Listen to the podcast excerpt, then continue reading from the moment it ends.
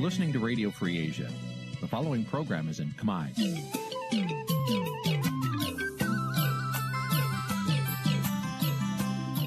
នេះជាកម្មវិធីផ្សាយ Vuthu Azizi Serai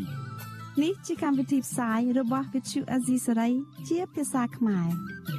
Vuthu Azizi Serai សូមស្វាគមន៍លោកអ្នកនាងទាំងអស់ពីរដ្ឋធានី Washington នៃសហរដ្ឋអាមេរិក។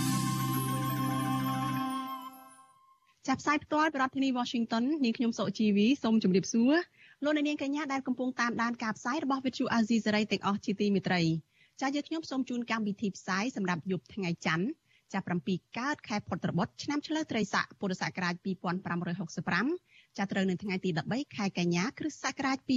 2021ចាជាដំបូងនេះសូមអញ្ជើញលោកអ្នកនាងស្ដាប់ព័ត៌មានប្រចាំថ្ងៃដែលមានមេតិការដូចតទៅ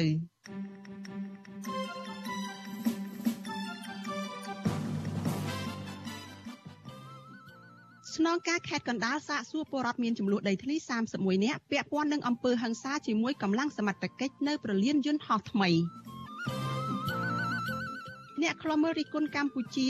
រិះគន់លោកហ៊ុនសែនថាបានប្រើប្រាស់ជំនួយរបស់ចិនដើម្បីសាងសង់ពហុកីឡដ្ឋានជាតិដោយគ្មានដំណាភាពបរិះរងគ្រោះដោយសារតែយោធាបាញ់នៅក្នុងចំនួនដីធ្លីនៅឯស្រុកអង្គស្នួលបន្តទាមទារឲ្យស្ថាប័នពាក់ព័ន្ធពន្លឿនយុត្តិធម៌ បទសម្ភាសពីការអះអាងថាលោកនាយរដ្ឋមន្ត្រីហ៊ុនសែនបានចូលរួមនៅក្នុងកិច្ចប្រជុំតាមអនឡាញរបស់មន្ត្រីជាន់ខ្ពស់នៃគណៈបកសង្គ្រោះជាតិរួមនឹងព័ត៌មានផ្សេងៗមួយចំនួនទៀតចាជាបន្តទៅទៀតនេះនាងខ្ញុំសុជីវីសូមជូនព័ត៌មានទីនេះពិស្ដាចលនានេះជាទីមិត្តរីតកតនឹងការឆ្លងរាលដាលជំងឺ Covid-19 ចាអ្នកជំងឺ Covid-19 ចំនួន9អ្នកទៀតបានស្លាប់ដែលធ្វើឲ្យករណីស្លាប់ដោយសារតែជំងឺនេះបានកើនឡើងដល់ជាង2040អ្នកហើយគិតត្រឹមថ្ងៃទី13ខែកញ្ញា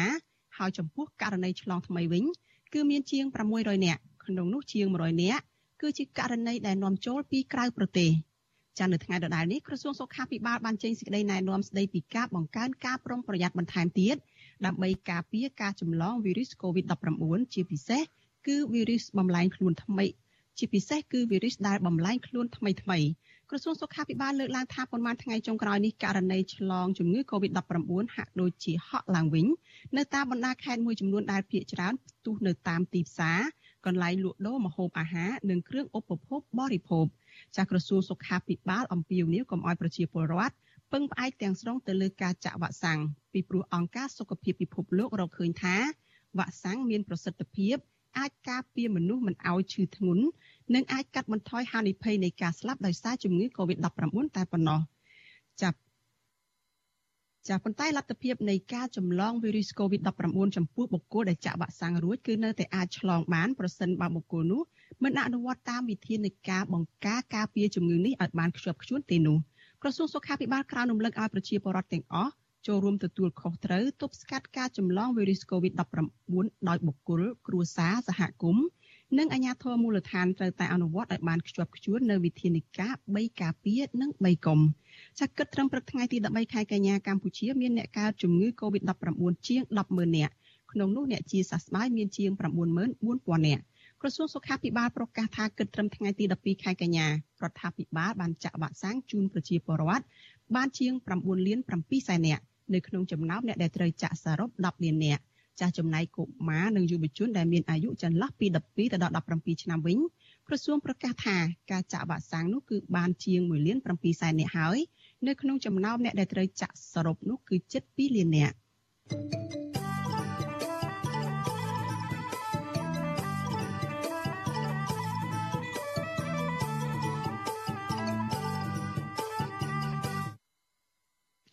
ចលនានេះជាទីមេត្រីតកតនឹងការកសាងពលានការកសាងពហុកីឡដ្ឋានជាតិថ្មីឯនេះវិញចាអ្នកខ្លោមើលកម្ពុជារិះគន់ការដែលលោកនាយរដ្ឋមន្ត្រីហ៊ុនសែនសាងសង់ពហុកីឡដ្ឋានដោយដាក់ឈ្មោះខ្លួនឯងនោះថាជាការខ្ជះខ្ជាយថវិកាដែលមិនសមស្របជាប្រទេសក្រីក្រចាប្រតិកម្មរបស់មន្ត្រីសង្គមស៊ីវិលនេះគឺក្រោយពេលដែលលោកហ៊ុនសែនបានចំណាយថវិកាចំនួន150លានដុល្លារអាមេរិកដើម្បីសាងសង់ពហុកីឡដ្ឋានជាតិមរតកដេជោ ហើយធ្វើពិធីទទួលពីប្រមុខការទូតចិន កាលពីថ្ងៃទី12ខែកញ្ញាកន្លងទៅនេះចាសសូមស្ដាប់សេចក្តីរាយការណ៍របស់លោកសនច័ន្ទរដ្ឋាអំពីរឿងនេះអ្នកខ្លុំមើលកម្ពុជានៅមន្ត្រីគណៈបកប្រឆាំងរីគុណថាមេដឹកនាំរបបក្រុងភ្នំពេញមិនបានគិតគូរពីសេចក្តីសុខនៅដំណើរការជាក់ស្ដែងរបស់ប្រជាពលរដ្ឋនោះទេទើបបានជាលោចំណាយប្រាក់មហាសាលនៅក្នុងការសាងសង់ពហុកលាឋានដាក់ឈ្មោះខ្លួនឯងទៅវិញប្រធានក្រុមប្រឹក្សាខ្លុំមើលកម្ពុជានិងជាប្រធានក្រុមប្រឹក្សាពិបាលចលនានិសិន ដើម្បីលទ្ធិប្រជាធិបតេយ្យកម្ពុជាដែលកំពុងនៅប្រទេសណូវេលោកម៉ែណានប្រាវិទ្យាអាស៊ីសេរីនៅថ្ងៃទី13ខែកញ្ញាថាកម្ពុជាជាប្រទេសក្រីក្រ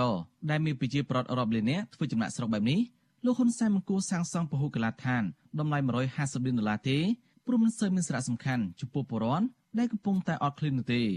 លោកបញ្ជាក់ទៀតថាក្នុងស្ថានភាពបែបនេះលោកហ៊ុនសែនគួរទៅយកប្រាក់ទៅនេះទៅអភិវឌ្ឍផ្លូវថ្នល់មន្ទីរពេទ្យប្រព័ន្ធធារាសាស្ត្រ នៅរកទីផ្សារលក់ដូរកសិផលរបស់កសិករប្រសើរជាង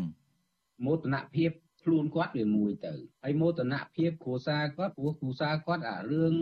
តាតនឹងអារឿងដីពលានយន្តហោះនៅកដាលស្ទឹងអីហ្នឹងសុទ្ធតែមានជាពាក់ជាពិនជាមួយនឹងកូនស្រីរបស់គាត់ទាំងអស់គឺអ្នកស្រីហ៊ុនម៉ាណែតហើយកូនស្រីរបស់គាត់ហ្នឹងឲ្យឈ្មោះអ្នកនេះឈ្មោះអ្នកនោះពុងខៀវខ្សែអីអ្នកនេះឬអ្នកនោះអីធ្វើជំនួសឲ្យគាត់នៅក្រោយខ្នងដូច្នេះរឿងអស់នេះវាពាក់ព័ន្ធទៅនឹងផលប្រយោជន៍របស់គ្រួសារហ៊ុនដូច្នេះបើសិនជាលោកហ៊ុនសែនហ្នឹងជាមេដឹកនាំដែលគិតអំពីប្រយោជន៍ជាតិអារឿង start ជាង100លានអីនេះវាមិនគួរសមនឹងយើងធ្វើទេយើងយកអភិវឌ្ឍផ្លូវផ្សេងដើម្បីជួយរំដោះភាពក្រីក្ររបស់ប្រជាពលរដ្ឋប្រតិកម្មរបស់មន្ត្រីសង្គមសវននេះធ្វើឡើងក្រោយពេលលោកហ៊ុនសែនធ្វើពិធីទទួលពហុកីឡាឋានជាតិមរតកតេជោពីរដ្ឋមន្ត្រីការបរទេសចិនលោកវ៉ាងយីនៅថ្ងៃទី12ខែកញ្ញាលោកហ៊ុនសែនថាលោកគ្មានកំហុសអ្វីទេនៅក្នុងការដែលទំនាក់ទំនងជាមួយចិនដោយទទួលបានសំណងដ៏ធំនេះមេដឹកនាំរបបឯកបកថាពហុកីឡាឋាននេះគឺជាមោទនភាពជាតិមហាសាលក្រោមការដឹកនាំរបស់លោកនេះគ្រាន់តែជាការទទួលផលដើមរដូវ នៃចំណងមិត្តភាពដៃថែបដែលប្រធានាធិបតីស៊ីជីនភីងបានប្រសិទ្ធភាពឡើងហេតុអ្វីបានជាខ្ញុំត្រូវនិយាយថាវាជាការទទួលផលដើមរដូវយើងមិនមែនតាក់ទងជាមួយចិនត្រឹមតែថ្ងៃនេះឬថ្ងៃស្អែកបន្ទាប់ពីកទួលស្តាតនេះរួចហើយនោះទេយើងត្រូវធ្វើជាមួយមិត្តចិនច្រើនឆ្នាំតទៅទៀតលោកហ៊ុនសែនអះអាងថាពហុកីឡាដ្ឋាននេះចំណាយថវិកាសាងសង់សរុប150លានដុល្លារអាមេរិក ដែលជាចំនួនរបស់ចិនក៏ប៉ុន្តែសាធារណមតិមួយចំនួននៅតែមានមន្ទិលសង្ស័យជុំវិញដំណាភាពនៃចំនួននេះសំណងមួយនេះសាងសង់រយៈពេលជាង7ឆ្នាំដោយមានអ្នកជំនាញការរបស់ចិន200នាក់និងកម្មករខ្មែរចំនួន500នាក់បានបិទបញ្ចប់ការសាងសង់កាលពីថ្ងៃទី31ខែសីហាបើទោះបីជាណាអតីតតំណាងរាជគណៈបក្សសង្គ្រោះជាតិលោកអ៊ុំសំអានមើលឃើញថាការដែលលោកហ៊ុនសែនសាងសង់ភូកីឡាឋានជាតិដាក់ឈ្មោះខ្លួនឯងបែបនេះគឺជាការខ្ជះខ្ជាយថវិកា ដើម្បីបម្រើផលប្រយោជន៍របស់លោកហ៊ុនសែននិងចិន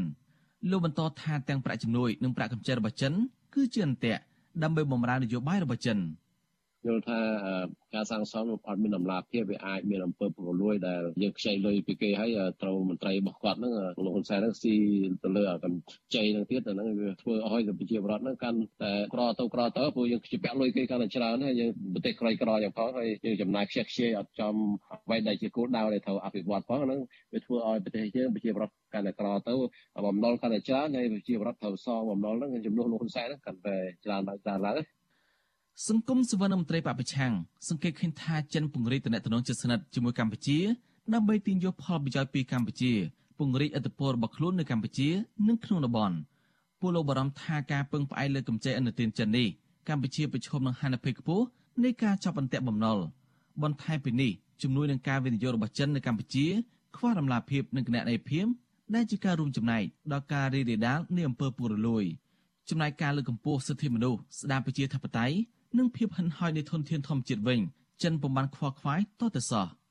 របាយការណ៍ក្រសួងសេដ្ឋកិច្ចនៅរ៉ែវត្ថុជីមផ្សាយកាលពីឆ្នាំ2020បង្ហាញថាកម្ពុជាជំពាក់ចិនដល់ទៅជិត4000លានដុល្លារអាមេរិកឬស្មើនឹង47%នៃទំហំបំណុលសរុបដែលកម្ពុជាជំពាក់បរទេសលុយដែលខ្ចីពីចិនភាគច្រើនផ្ដោតទៅលើការអភិវឌ្ឍប្រព័ន្ធធារាសាស្ត្រហេដ្ឋារចនាសម្ព័ន្ធនិងស្ពានជាដើមខ្ញុំសនចាររថាវិទ្យុអេស៊ីសេរី រាយការណ៍ពីរដ្ឋធានីវ៉ាស៊ីនតោនចាលោកនាងជាទីមេត្រីលោកនាងកំពុងតាមដានការផ្សាយរបស់វិទ្យុអាស៊ីសេរីចាប់ផ្សាយចេញពីរដ្ឋធានី Washington សហរដ្ឋអាមេរិកចារឿងដាច់ដライមួយទៀតសេរីភាពសារព័ត៌មាននៅកម្ពុជាត្រូវបានអ្នកជំនាញជាតិនិងអន្តរជាតិវាយតម្លៃថាបានធ្លាក់ចុះដុនដាបខ្លាំងចាប់តាំងពីចុងឆ្នាំ2017មកពលគឺបន្ទាប់ពីរបបលោកហ៊ុនសែនបានបង្ក្រាបទ្រង់ទ្រាយធំទៅលើស្ថាប័នព័ត៌មានឯករាជ្យចាំមកដល់ពេលបច្ចុប្បន្ននេះសេរីភាពនេះ នៅតែទទួលរងនឹងការរឹតបន្តឹងនិងការគៀបសង្កត់ដដែលអ្នកសារព័ត៌មាននិងអង្គការសង្គមស៊ីវិលទទូចឲ្យរបបនេះកែលម្អនិងលើកស្ទួយសិទ្ធិសេរីភាពរបស់អ្នកសារព័ត៌មានឲ្យស្របទៅតាមច្បាប់ជាតិនិងអន្តរជាតិចាលោកអ្នកនាងនឹងបានស្ដាប់សេចក្តីរាយការណ៍នេះពិស្ដានៅក្នុងការផ្សាយរបស់យើងនៅពេលបន្តិចទៀតនេះចាលោក អ្នកនាងជាទីមេត្រីតកតងនឹងចំនួនដីធ្លីនៅឯតំបន់ត្រូវកសាងប្រលានយន្តហោះថ្មីឯនោះវិញចាស់ស្នងការនគរបាលខេត្តកណ្ដាលបានសាកសួរពលរដ្ឋដែលមានចំនួនដីធ្លីជាច្រើនអ្នកពាក់ព័ន្ធនឹងអំពើហិង្សាដាក់គ្នាទៅវិញទៅមករវាងពលរដ្ឋនិងកម្លាំងសមត្ថកិច្ចដែលឈលជើងប្រចាំការនៅកន្លែងដែលត្រូវសាងសង់ពលានយន្តហោះថ្មីនៅក្នុងភូមិកំពង់តាឡុងឃុំបឹងខ្យាងស្រុកកណ្ដាលស្ទឹងខេត្តកណ្ដាល ចាមន្ត្រីអង្គការសង្គមស៊ីវិលផ្នែកសិទ្ធិមនុស្សស្នើសុំឲ្យអាជ្ញាធរពាក់ព័ន្ធដោះលែងប្រជាពលរដ្ឋឲ្យមានសេរីភាពមកវិញដើម្បីឲ្យពួកគេបានជួបជុំគ្រួសារហើយបន្តរកដំណោះស្រាយវិវាទដីធ្លីនេះដោយសន្តិវិធីតម្លាភាពនិងយុត្តិធម៌ចាសសូមស្ដាប់សេចក្តីរាយការណ៍របស់លោកមួងណារ៉េតអំពីរឿងនេះ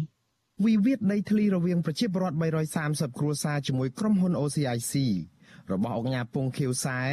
ដែលជាមហាសេដ្ឋីស្និទ្ធនឹងលោកនាយរដ្ឋមន្ត្រីហ៊ុនសែននោះ ឈានដល់ដំណាក់កាលអាជ្ញាធរចាប់ខ្លួនប្រជាពលរដ្ឋ31នាក់នៅក្នុងនោះភ ieck ច្រើនជាស្ត្រីដើម្បីយកទៅសាកសួរនៅស្នងការខេត្តកណ្ដាលជុំវិញអំពើហិង្សារវាងក្រុមប្រជាពលរដ្ឋនិងកម្លាំងសមត្ថកិច្ចពលរដ្ឋឲ្យដឹងថាស្ថានភាពនៅក្នុងភូមិតឡុងនៅពេលនេះដូចទៅនឹងកាលបែករបបប៉ុលពតឆ្នាំ1979ដែរគឺមានសភាពស្ងាត់ជ្រងំដោយប្រជាពលរដ្ឋរត់ភៀសខ្លួនចេញពីផ្ទះអស់ប្តីព្រាត់ប្រពន្ធឪពុកព្រាត់កូន បន្សល់ទុកម្ដាយឪពុកចាស់ជរានៅចាំផ្ទះពលរដ្ឋម្នាក់ដែលតាមដានរឿងនេះនៅស្នងការនគរបាលខេត្តកណ្ដាលលោកណៃផុនឲ្យដឹងថាសមត្ថកិច្ចកំពុងតែសាកសួរសមាជិកគ្រួសារលោក3នាក់ក្នុងនោះមានប្រពន្ធលោកគឺលោកស្រីខឹមចត្រា បងស្រីម្នាក់ឈ្មោះណៃភានិងប្អូនស្រីម្នាក់ឈ្មោះណៃផលពាក់ព័ន្ធនឹងហេតុការណ៍ហិង្សាកាលពីថ្ងៃទី12ខែកញ្ញា លោកបន្តថាសមត្ថកិច្ចមូលដ្ឋាននៅតែតាមស្វែងរកចាប់ខ្លួនប្រជាពលរដ្ឋផ្សេងទៀតនៅក្នុងភូមិហាក់បីដូចជាចាត់ទុកអ្នកភូមិថាជាមុខសញ្ញានៃក្រុមអក្រិតជនលោកយល់ថាទង្វើរបស់អាជ្ញាធរបែបនេះគឺរឹតតែបង្កភាពឈឺចាប់មួយជាន់ថែមទៀតចំពោះប្រជាពលរដ្ឋម្ចាស់ដីដែលបាត់បង់ដីស្រែទៅឲ្យក្រុមហ៊ុនហើយទទួលរងការវាយធ្វើបាបពីអាជ្ញាធររហូតដល់ចាប់ខ្លួនមនុស្សជាច្រើនថែមទៀតផងលោកស្នើសុំឲ្យអាជ្ញាធរដោះលែងប្រជាពលរដ្ឋទាំងអស់ឲ្យមានសេរីភាពវិញ ខ្ញុំបើនឹងមានជាអ្នករងគ្រោះដីធ្លីហ្នឹងវា3ឆ្នាំហើយហើយខ្ញុំអង្វរដល់ប្រមុខរាជរដ្ឋាភិបាលហ្នឹងជួយដោះស្រាយជា ផលសំណងឲ្យវាបានសមរម្យដែលពួកខ្ញុំទទួលយកបានមកហើយពួកខ្ញុំមិនហ៊ានទៀមទាថាតម្លៃទីផ្សារទេហើយតម្លៃណាមួយឲ្យខ្ញុំទទួលយកបានពួកខ្ញុំយកហើយហើយបញ្ចប់រឿងរ៉ាវដោះលែងពួកគាត់មកគុំឃុំគុំខាំងគាត់អញ្ចឹងពួកគាត់អស់ជំរឿហើយមកគាត់តវ៉ាហ្នឹងបើគាត់មានជំរឿគាត់មិនទៅតវ៉ាអីយ៉ាងទេព្រោះពីពលរដ្ឋខ្លាចណាស់ពីកម្កកម្លាំងរាប់រយនាក់អញ្ចឹង វិទ្យុអាស៊ីសេរីមិនអាចសុំការឆ្លើយតបរឿងនេះពីស្នងការនគរបាលខេត្តកណ្ដាលលោកឈឿនសុចិត្តនៅថ្ងៃទី13ខែកញ្ញាបានទេដោយហៅទូរស័ព្ទចូលតែពុំមានអ្នកទទួលតកតងនឹងរឿងនេះនាយករងទទួលបន្ទុកផ្នែកខ្លំមើលសិទ្ធិមនុស្សនៃអង្គការលីកាដូលោកអំសំអាតមានប្រសាសន៍ថានេះគឺជាលើកទី1ហើយនៅក្នុងវិវាទដីធ្លីនៅប្រទេសកម្ពុជាដែលសមត្ថកិច្ចចាប់ខ្លួនប្រជាពលរដ្ឋមានចំនួនច្រើនបែបនេះ។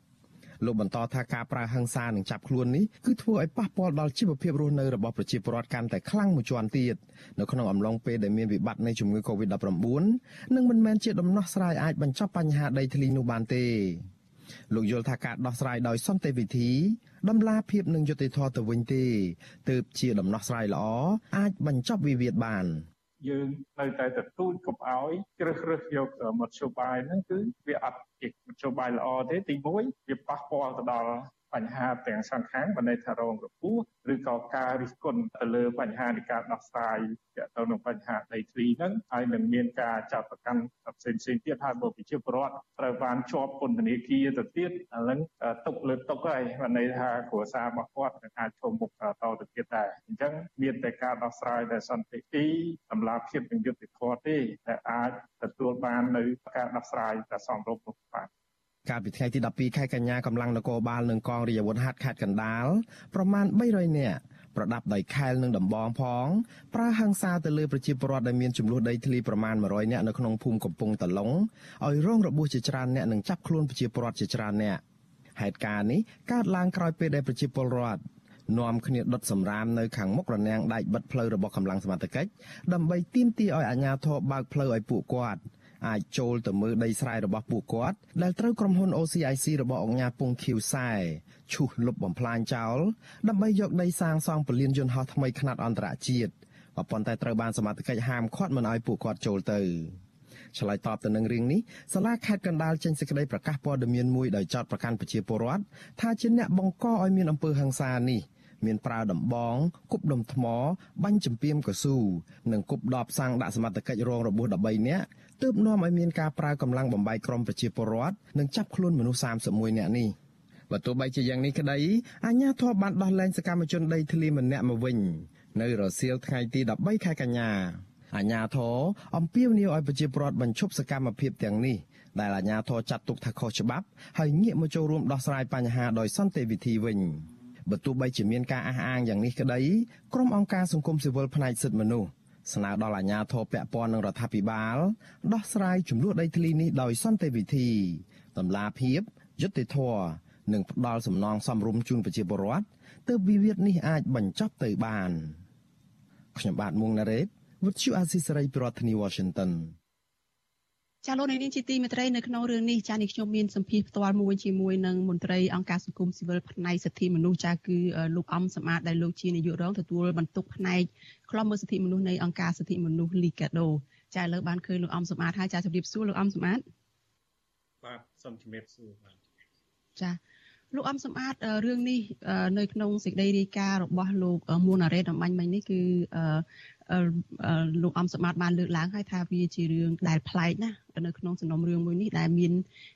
ការចាប់ខ្លួនប្រជាពលរដ្ឋរហូតដល់ទៅជាង30នាក់ហើយថ្ងៃនេះគឺស្នងការខេត្តកណ្ដាលនឹងកំពុងតែសាកសួរពួកគាត់ផងនឹងតើលោកគិតយ៉ាងម៉េចទៅតើតើមានការខុសប្លែកយ៉ាងម៉េចហើយជាការភ្ញាក់ផ្អើលយ៉ាងម៉េចនៅក្នុងរឿងនេះចា៎បាទ ពាក់ព័ន្ធនឹងបញ្ហាវិវត្តដីធ្លីអឺវិវាទដីធ្លីដែលកើតឡើងនេះជាការកត់សម្គាល់របស់ខ្ញុំខ្ញុំឃើញថានេះជាលើកទី1ហើយដែលមានការខាត់ខ្លួនមនុស្សដល់ទៅ30នាក់នៅក្នុងថ្ងៃតែមួយណាហើយវិវាទដីធ្លីតែមួយអញ្ចឹងករណីនេះយើងមើលទៅវាមនុស្ស30នាក់មិនមែនតិចទេជារឿងច្រើនណាស់ ហើយបញ្ហានេះគឺអង្គការសង្គមស៊ីវិលយើងមានការប្រួយបារម្ភតាំងពីដើមមកពីព្រោះយើងឃើញទស្សនវិជ្ជានៃការដាក់កងកម្លាំងក៏ដូចជាការតវ៉ារបស់ប្រជាពលរដ្ឋនឹងយើងបារម្ភខ្លាចលោកក្នុងការប៉ះទង្គិចកើតនៅអំពើហិង្សានៅថ្ងៃណាមួយអញ្ចឹងយើងឃើញថានៅថ្ងៃទី12នេះមានការកើតឡើងនៅអំពើហិង្សានឹងកើតឡើងមែនហើយក៏មានការចាប់ខ្លួនមនុស្សទៅដល់30នាក់ ហើយបញ្ហានេះយើងឃើញថាវាជាបញ្ហាដដែលដដែលដែលយើងមានបទពិសោធន៍និងមេរៀនជាច្រើនមកហើយដែលគួរតែជិះវៀងតាក់ទងនឹងបញ្ហាវិវាទដីធ្លីហ្នឹងបើសិនជាយើងដោះស្រាយឈលលើអឺសន្តិវិធីឈលលើគោលការណ៍ដំណាភាពនិងយុត្តិធម៌ទៅការចរចាក្នុងការដោះស្រាយបញ្ចប់នៃវិវាទដីធ្លីហ្នឹងវាវាជារឿងមួយដែលល្អពីព្រោះទី1អឺ ការអភិវឌ្ឍយើងឃើញថាការអភិវឌ្ឍទាំងឡាយត្រូវតែប្រកបដោយយើងហៅថាធុរកិច្ចនិងសិទ្ធិមនុស្សអញ្ចឹងការអភិវឌ្ឍរបស់អ្នកវិនិយោគឬក្រុមហ៊ុនវិនិយោគក៏ត្រូវតែផ្សារភ្ជាប់ជាមួយនឹងគោលការណ៍នៃការគោរពសិទ្ធិមនុស្សអញ្ចឹងការអភិវឌ្ឍគឺទី1ក្រុមហ៊ុនលោកធ្វើការអភិវឌ្ឍដើម្បីផលប្រយោជន៍ទៅថ្ងៃក្រោយផលចំណេញអញ្ចឹងប្រជាពលរដ្ឋដែលគាត់មានផលប៉ះពាល់ដោយសារការអភិវឌ្ឍហ្នឹង ត្រូវតែទទួលបាននៅការដោះស្រាយដោយតម្លាភាពយុត្តិធម៌និងសន្តិវិធីដើម្បីបញ្ជាពីព្រោះការអភិវឌ្ឍកាលណាទទួលបានផលពីការអភិវឌ្ឍដូចគ្នាអានោះគេហៅថាការអភិវឌ្ឍប្រកបដោយតម្លាភាពនិងចីរភាពកាលណាការអភិវឌ្ឍហើយបង្កឲ្យមានទំនាស់ឬក៏ហិង្សាអានឹងវាជាការអភិវឌ្ឍមួយដែលយើងគិតថាវាមិនត្រូវតាមគោលការណ៍នៃ ធុរកិច្ចនិងសិទ្ធិមនុស្សនឹងទេ ដែលបង្កឲ្យមានបញ្ហាឬការចាប់ខ្លួនហ្នឹងគឺជាការដាក់បន្ទុកបន្ថែមទេសម្រាប់ពលរដ្ឋបើសិនជាឧទាហរណ៍ថាគាត់មានបញ្ហាដីធ្លីហើយគាត់ត្រូវជាប់ពន្ធនាគារចាប់ខ្លួនដាក់ពន្ធនាគារអញ្ចឹងគឺគាត់នឹងអាចនឹងរងផលប៉ះពាល់មួយទៀតទៅលើគ្រួសារគាត់ដោយបាត់បង់គ្រួសារដែលត្រូវជាប់ពន្ធនាគារអីជាដើមហ្នឹងហ្នឹងគឺជាមេរៀនដែលមានស្រាប់ដែលយើងគួរ តែបញ្ជាចេញហើយមួយទៀតការដែលប្រើប្រាស់កម្លាំងច្រើនយើងឃើញថាការប្រើប្រាស់កម្លាំងច្រើនវានាំឲ្យមានការរិះគន់ទេហើយក៏វាប៉ះពាល់ទៅដល់បញ្ហាថវិការដ្ឋវាប៉ះពាល់ទៅដល់ចំណាយកម្លាំងវិពុះឥឡូវយើងឃើញថារដ្ឋាភិបាលកំពុងតែធ្វើការទប់ស្កាត់ការរីករាលដាលនៃ COVID-19 ហើយអនុវត្តវិធានការផ្សេងៗដែលត្រូវការកម្លាំងជួយ ក្នុងការអភិវឌ្ឍតែបើយើងប្រើប្រាស់កម្លាំងទៅ ដើម្បីបញ្ហាដីធ្លីអាហ្នឹងក៏វាមិនសូវជាសមរម្យហើយវាមានការរិះគន់ច្រើនដែររឿងនេះអញ្ចឹងអ្វីដែលសំខាន់យើងជាអង្គការសង្គមស៊ីវិលយើងចង់ឃើញថាការដោះស្រាយមួយដែលប្រកបដោយតម្លាភាពយុត្តិធម៌ហើយនឹងសន្តិវិធី ដែលអាចទទួលយកបានទាំងអស់គ្នា ហើយបញ្ចប់រឿងដោយសន្តិវិធីអានឹងគឺវាជារឿងល្អបំផុតបាទ ចា៎អឺលោកអំសំអាតតកតងនឹងការចាប់ខ្លួនដែលលោកបានលើកឡើងថាគឺជាការដែលគួរឲ្យភ្ញាក់ផ្អើលចាប់ប្រជាពលរដ្ឋម្ដង30នាក់នៅក្នុងចំនួនដីធ្លីនេះបើតាមប្រជាពលរដ្ឋគាត់លើកឡើងហ្នឹងគឺថានៅពេលដែលហេតុការណ៍នឹងកើតឡើងកម្លាំងសមត្ថកិច្ចនឹងត្រូវគេដាក់គ្រប់ទិសតែម្ដងដើម្បីមានន័យថាដូចជាពាត់ចាប់ប្រជាពលរដ្ឋតែម្ដងហើយមានតាំងពីកូនយន្តហោះដែលគ្មានអ្នកបើកឬក៏យើងហៅថាដ្រូនហ្នឹង សម្រាប់ថតរូបប្រជាពលរដ្ឋហ្នឹងពីខាងលើអាកាសទៅទៀតដូច្នេះក្រមអាជ្ញាធរដូចជាបានត្រៀមខ្លួនរួចរាល់ហើយអំពីរឿងនេះប៉ុន្តែលោកអំសម្បត្តិត្រង់ចំណុចនេះពីការចាប់ខ្លួនប្រជាពលរដ្ឋឬក៏អ្នកណាក៏ដោយដែលអាជ្ញាធរចាប់ខ្លួនចាំបាច់ណាស់ត្រូវតែមានដីកាចាប់ខ្លួនមកជាមួយដើម្បីដំណើរការទៅតាមផ្លូវច្បាប់អីចឹងទៅក្នុងរឿងនេះมันមានករណីលើកឡើងថាមានដីកាចាប់ខ្លួនឬក៏មានបរិយាអាញាអីចុះមកទេប៉ុន្តែហេតុអ្វីបានជាអាញាធរអាចចាប់ខ្លួនប្រជាពលរដ្ឋបានដល់ទៅ 30នាក់ជាងនឹងតើនេះជាការចោតប្រកាន់ប្រជាពលរដ្ឋថាបានប្រព្រឹត្តបទល្មើសជាក់ស្ដែងនៅទីកន្លែងនឹងទេចា៎បាទបើយោងទៅតាមការចាប់ខ្លួន មានពីរទី1ការចាប់ខ្លួនតាមដីកាបានន័យថាមិនមែនជាបទល្មើសជាក់ស្ដែងទេប៉ុន្តែមានដីកាពី តឡាការអញ្ចឹងអាជ្ញាធរឬក៏សមត្ថកិច្ចអាចចាប់ខ្លួនបានប៉ុន្តែដោយបង្ហាញដីកាអានដីកាឲ្យស្ដាប់ហើយចាប់នឹងគឺការអនុវត្តទៅតាមនៃការចាប់ខ្លួនប៉ុន្តែមួយទៀតការចាប់ខ្លួនបានគឺបទល្មើសជាក់ស្ដែងអ្វីដែលជាហៅថាបទល្មើសជាក់ស្ដែងឧទាហរណ៍ថាវាមានការអ្នកដែលប្រព្រឹត្តបទល្មើស ជាក់ស្ដែងនៅកន្លែងនឹងណាមួយអញ្ចឹងបទល្មើសជាក់ស្ដែងមិនមែនតែអាជ្ញាធរទេសំបីតពលរដ្ឋធម្មតាក៏អាចចាប់បានដែរប៉ុន្តែចាប់ហើយប្រគល់ទៅឲ្យអាជ្ញាធរដែលមានសមត្ថកិច្ចហើយអាជ្ញាធរហ្នឹងពេលដែលចាប់ខ្លួនហ្នឹងវាទាល់តែមានបទល្មើសជាក់ស្ដែងដែលប្រព្រឹត្តឡើងដែលមើលទៅវាស៊ីសង្វាក់គ្រប់បែបយ៉ាងហើយមានចេសនកម្មហើយមានបទល្មើសអាហ្នឹងគឺការចាប់ជាក់ស្ដែងហ្នឹងបាន ប៉ុន្តែយើងពិនិត្យទៅរឿងនេះដោយខ្ញុំលើកឡើងថាវាចេញអំពីបញ្ហានៃការវិវាទដីធ្លីហើយអង្គការសង្គមស៊ីវិលយើងបានមើលឃើញចំណុចដែលអាចនឹងមានអំពើហិង្សានិងការចាប់ខ្លួនហ្នឹងតាំងពីយូរមកហើយតាំងពីដំណើរការនៃការដោះស្រាយកន្លងមកគឺមានបាតុភិបនៃការតវ៉ាការដាក់កម្លាំងជាបន្តបន្ទាប់ហើយមុននេះក៏មានការខាត់ខ្លួនទៅសាកសួរឲ្យដោះលែងវិញដែររហូតមកដល់ មានអំពើហិង្សាហើយមានការខាត់ខ្លួនជាជាធម្មតានៅពេលដែលមានការប៉ះទង្គិចវាជាមិនផុតទេឬភាគីទាំងពីរអញ្ចឹងវាអាចនឹងមានទទួលផលរោគចេសនកម្មទាំងសងខាងអញ្ចឹងហើយបានយើងមិនចង់ឲ្យមានទង្វើនឹងទាំងអស់នឹងកើតឡើងទៀតទេជាការពិតដែរថាការប្រើប្រាស់កងកម្លាំងយើងឃើញនៅរាជធានីឬខេត្តគឺអភិបាលគណៈអភិបាលគឺជា មេបញ្ជាការនៃកងឯកភាពក្នុងការបញ្ជានិងចាត់ចែងកម្លាំងនឹងអញ្ចឹងហើយការប្រើប្រាស់កម្លាំងនេះគួរតែយើងទុកសម្រាប់តែរក្សាសន្តិសុខសวัสดิភាពជូនប្រជាពលរដ្ឋប៉ុន្តែតកតងនឹងបញ្ហាដោះស្រាយវិវាទយើងគួរតែចរចានិងដោះស្រាយគ្នាដោយសន្តិវិធីយើងកុំជិះវៀងការប្រើប្រាស់នៅអង្គើហ ংস ាបណ្ដេថា ទាំងកងកម្លាំងក៏ដោយទាំងប្រជាពលរដ្ឋក៏ដោយគឺយើងបញ្ជិះនៅអង្គើហ ংস ាយើងធ្វើម៉េចការដោះស្រាយគ្នាដោយសន្តិវិធីទោះបីជាមានការទៀមទីឬក៏សំណូមពរអីក៏ដោយសន្តិវិធីកុំប្រើប្រាស់នៅអង្គើហ ংস ាអញ្ចឹងងាកទៅរកការចរចាគ្នានិងការដោះស្រាយដោយសន្តិវិធីទាំងអស់គ្នាទៅវាជារឿងមួយដែលល្អហើយយើងឃើញថា ព្រឹត្តិការណ៍ដែលកើតឡើងរាល់រឿងដែលកើតឡើងរវាងសមត្ថកិច្ចជាមួយពលរដ្ឋនៅពេលដែលគេរិះគន់គេអត់ដែលរិះគន់ពលរដ្ឋទេភាគច្រើនគឺគេរិះគន់ទៅលើអាជ្ញាធរហើយថាភាពអត់ធ្មត់នឹងការដាក់កម្លាំងហួសហេតុដែលបង្កឲ្យមានហិង្សាអីអញ្ចឹងមួយមួយរិះគន់ទៅលើអាជ្ញាធរអញ្ចឹងយើងជាអង្គការសង្គមស៊ីវិលនេះយើងមិនបានកាន់ជើងទៅខាងណាទេប៉ុន្តែយើងចង់ឲ្យមានដំណោះស្រាយមួយ ដែលបញ្ជះនៅអំពើហិង្សា បញ្ជះនៅការចាប់ខ្លួន គឺការចរចាការដោះស្រាយដោយសន្តិវិធីតម្លាភាពនិងយុត្តិធម៌នឹងជារឿងល្អបំផុតហើយបាទហើយការអភិវឌ្ឍក៏វាទៅដោយរលូនមិនមានភាពអសកម្មឬក៏មានការរិះគន់អ្វីដែរបាទចា៎ លោកអំសំអាតបានលើកពីខាងដើមថារឿងនេះអំពើហិង្សាករណីចាប់ចងប្រជាពលរដ្ឋអីនេះគឺសិតតែជារឿងដែលក្រុមអង្គការសង្គមស៊ីវិលអ្នកការពារសិទ្ធិមនុស្សនេះស្មានដឹងអស់ទៅហើយថាអាចនឹងមានការចាប់ខ្លួនអាចនឹងមានអីកើតឡើងអញ្ចឹងគឺជាការព្រួយបារម្ភរបស់ក្រុមអង្គការសង្គមស៊ីវិលផ្នែកសិទ្ធិមនុស្សនឹងហើយ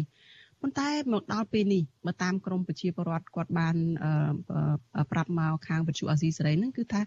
អត់មានក្រុមអង្គការសង្គមស៊ីវិលឬក៏អ្នកសារព័ត៌មានអីហ្នឹងអាចចូលទៅយកព័ត៌មានឬក៏ទៅអង្កេតឬក៏តាមដានរឿងនេះបានទេនៅក្នុងតំបន់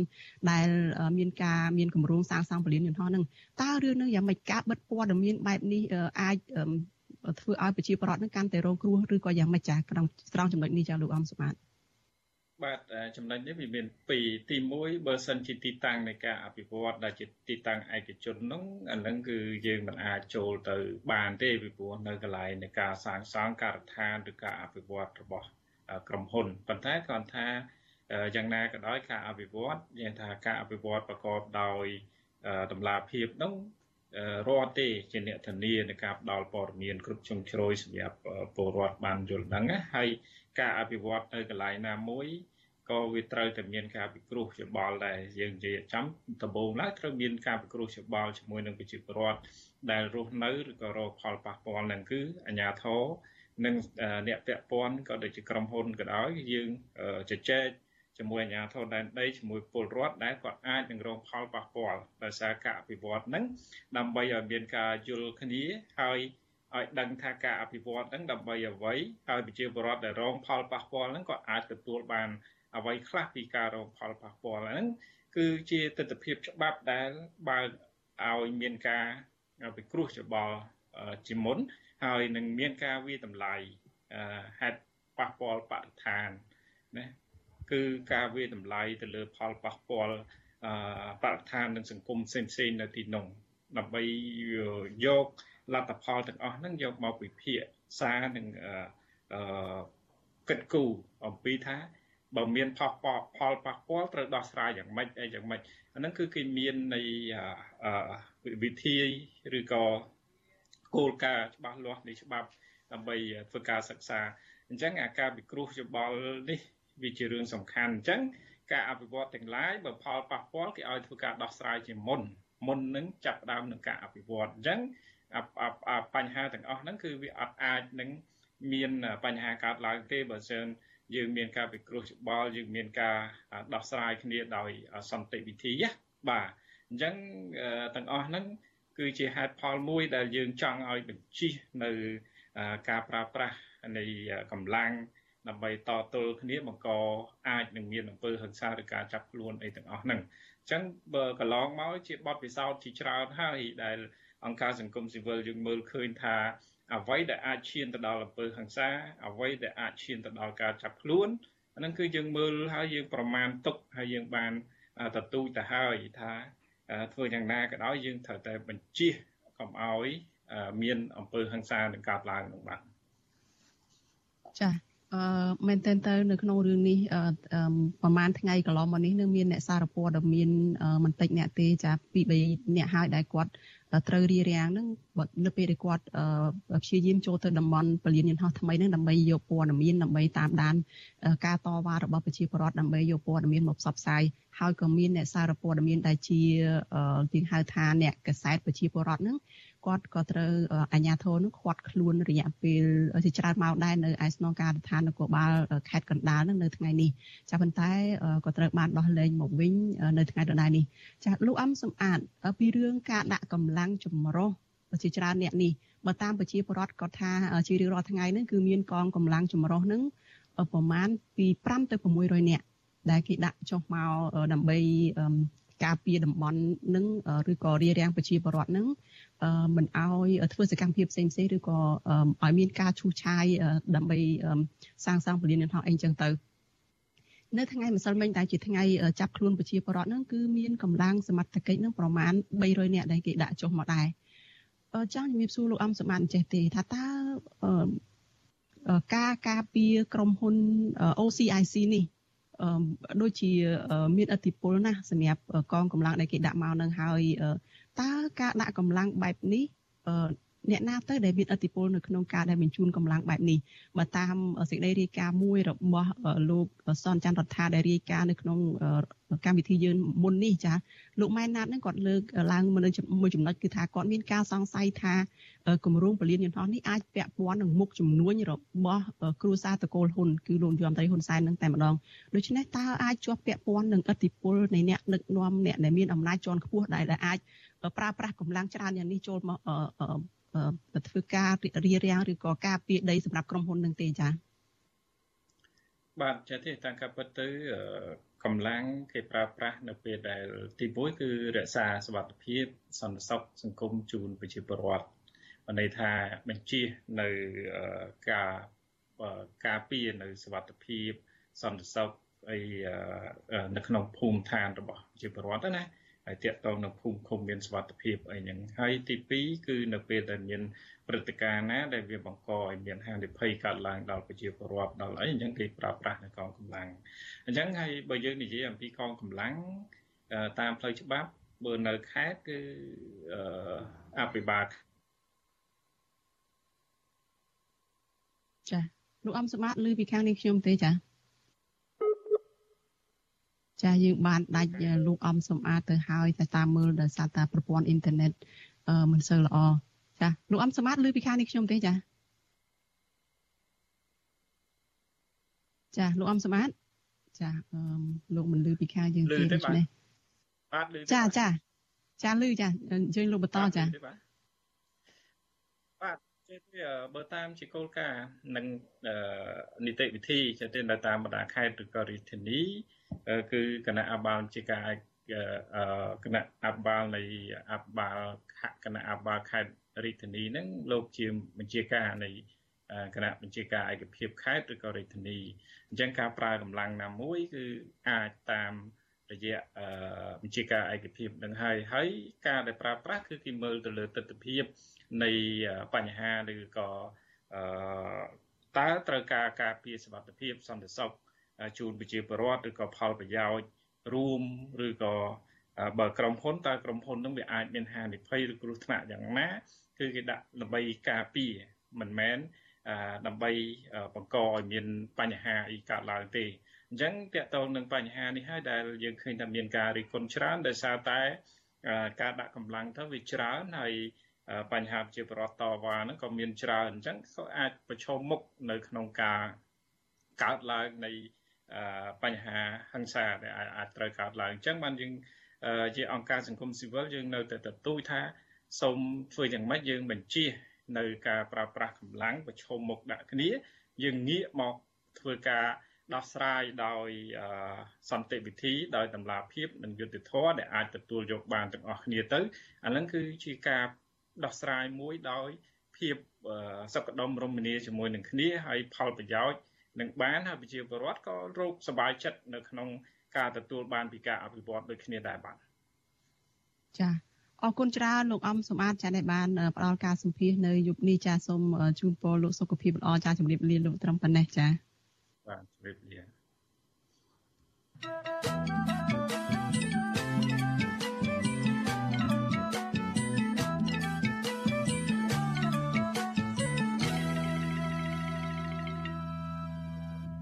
ចាលោកអ្នកនាងជាទីមេត្រីសេចក្តីរាយការណ៍តកតនឹងចំនួនដីធ្លីមួយកន្លែងទៀតនៅក្នុងខេត្តកណ្ដាលនេះដែរចាប់បរោះរងគ្រោះដោយករណីយោធាបាញ់បណ្ដាលឲ្យរបួសធ្ងន់នៅក្នុងចំនួនដីធ្លីមួយនៅក្នុងស្រុកអង្គស្នួលខេត្តកណ្ដាលកាលពីដើមខែមិថុនាបន្តស្នើសុំឲ្យស្ថាប័នពាក់ព័ន្ធពន្លឿនផ្ដល់យុត្តិធម៌ដល់គាត់បន្ទាប់ពីស្ថាប័នទាំងនោះហាក់ប្រងើយកន្តើយជំវិញដំណោះស្រាយករណីហិង្សានេះមន្ត្រីសង្គមស៊ីវិលស្នើដល់ស្ថាប័នដែលមានសមត្ថកិច្ច ឲ្យពន្យាការស្រាវជ្រាវឬក៏ស៊ើបអង្កេតឲ្យបានឆាប់ដើម្បីវែកមុខជនល្មើសយកមកអនុវត្តទៅតាមផ្លូវច្បាប់ និងផ្ដល់យុត្តិធម៌ទៅឲ្យជនរងគ្រោះព្រមទាំងសាងទំនុកចិត្តលើស្ថាប័នអនុវត្តច្បាប់ចាសសូមស្ដាប់សេចក្តីរាយការណ៍របស់លោកជីវិតាអំពីរឿងនេះករណីបរិះរងគ្រោះដោយសារកងកម្លាំងយោធានៃក្រសួងការពារជាតិបាញ់ធ្លាយស្មាខាងឆ្វេងបណ្ដាលឲ្យរងរបួសធ្ងន់នៅភូមិអង្គស្រែពោឃុំទួលព្រិចស្រុកអង្គស្នួលខេត្តកណ្ដាល បន្តអូសបន្លាយរយៈពេលជាង4ខែមកហើយដោយពុំឃើញស្ថាប័នមានសមត្ថកិច្ចណាមួយចាត់វិធានការដើម្បីផ្ដល់យុត្តិធម៌ដល់ជនរងគ្រោះនៅឡើយទេជនរងគ្រោះលោកមុំចន្ទថាប្រាប់អាស៊ីសេរីនៅថ្ងៃទី13កញ្ញាថារហូតមកដល់ពេលនេះអញ្ញាធមមិនទាន់ផ្ដល់ដំណឹងឬបង្ហាញលទ្ធផលស្រាវជ្រាវតាមការសន្យាស្វែងរកយុត្តិធម៌និងផ្ដល់សំណងនៅឡើយទេលោកសង្កេតឃើញថាអញ្ញាធមពាក់ព័ន្ធហាក់ប្រងើយកន្តើយ និងរក្សាភាពស្ងៀមស្ងាត់មិនតែប៉ុណ្ណោះលោកថាលោកបែរជារងការគំរាមកំហែងពីសំណាក់អាជ្ញាធរទៅវិញ បន្ទាប់ពីលោកបញ្ចេញមតិទាមទាររកយុត្តិធម៌ជុំវិញរឿងនេះជនរងគ្រោះរូបនេះឲ្យដឹងទៀតថាស្ថានភាពរបួសរបស់លោក មិនទាន់ជាសះស្បើយដូចធម្មតាទេព្រោះនៅឈឺចុកចាប់ត្រង់ឆ្អឹងដែលបាក់ដោយសារត្រូវគ្រាប់កំភ្លើងហើយលោកត្រូវលេបថ្នាំបំបត្តិការឈឺចាប់ជារៀងរាល់ថ្ងៃ រហូតដល់ពេលខ្លះលោកត្រូវហៅគ្រូពេទ្យមកចាក់ថ្នាំដល់ផ្ទះទៀតផង លោកតូចត្អែទៀតថាក្រោយរងរបួសមកជីវភាពគ្រួសាររបស់លោករស់នៅទាំងត្រដាបត្រដួសដោយពឹងផ្អែកលើប្រពន្ធធ្វើការងាររោងចក្រដើម្បីបង់ថ្លៃថ្នាំនិងការព្យាបាលផង រួមទាំងដោះបំណុលឯកជនផងព្រោះលោកមិនអាចធ្វើការបាន ខ្ញុំចង់បានយុទ្ធធរជូនវិជាបរដ្ឋដែរណាព្រោះខ្ញុំជាវិជាបរដ្ឋគឺរាល់ថ្ងៃហូបណាំរាល់ថ្ងៃនៅឈឺក្នុងឆ្អឹងអឺជួនកាលដើរដើរឡងឈឺពេទ្យប្រចាំរាល់ថ្ងៃណាគឺខ្លាំងទៅដល់ពេលគេចាក់ថ្ងៃទៅបានធូរទៅផ្អាកចាក់ទៅ កាលពីថ្ងៃទី3មិថុនាពលរដ្ឋជាង300នាក់បានលើកគ្នាទៅខាត់គ្រឿងចាក់ដែលក្រមយោធាបំរុងយកទៅឈូសឆាយដីស្រែ ដែលកំពុងមានទំនាស់ជាមួយប្រជាពលរដ្ឋនៅភូមិអង្គស្រែពោឃុំទួលព្រិចស្រុកអង្គស្នួលខេត្តកណ្ដាលពេលពលរដ្ឋកំពុងតវ៉ាស្រាប់តែក្រមយោធាបានបង្ក្រាបពលរដ្ឋដោយបាញ់រះគ្រាប់កំភ្លើងពិតបណ្ដាលឲ្យពលរដ្ឋម្នាក់រងរបួសធ្ងន់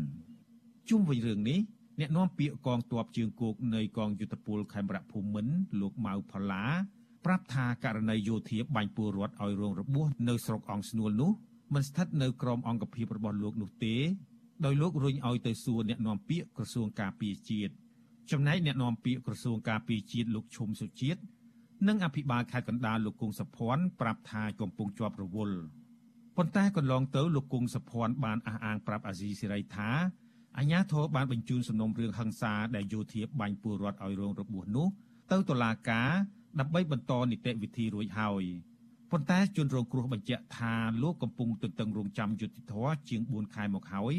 ដោយពុំទាន់មានលទ្ធផលតាមការសន្យានោះទេអាស៊ីសេរីក៏មិនអាចតាក់ទងអ្នកនាំពាក្យតុលាការខេត្តកណ្ដាលលោកសូសរិនដើម្បីបកស្រាយជុំវិញរឿងនេះបានទេ នៅថ្ងៃទី13កញ្ញា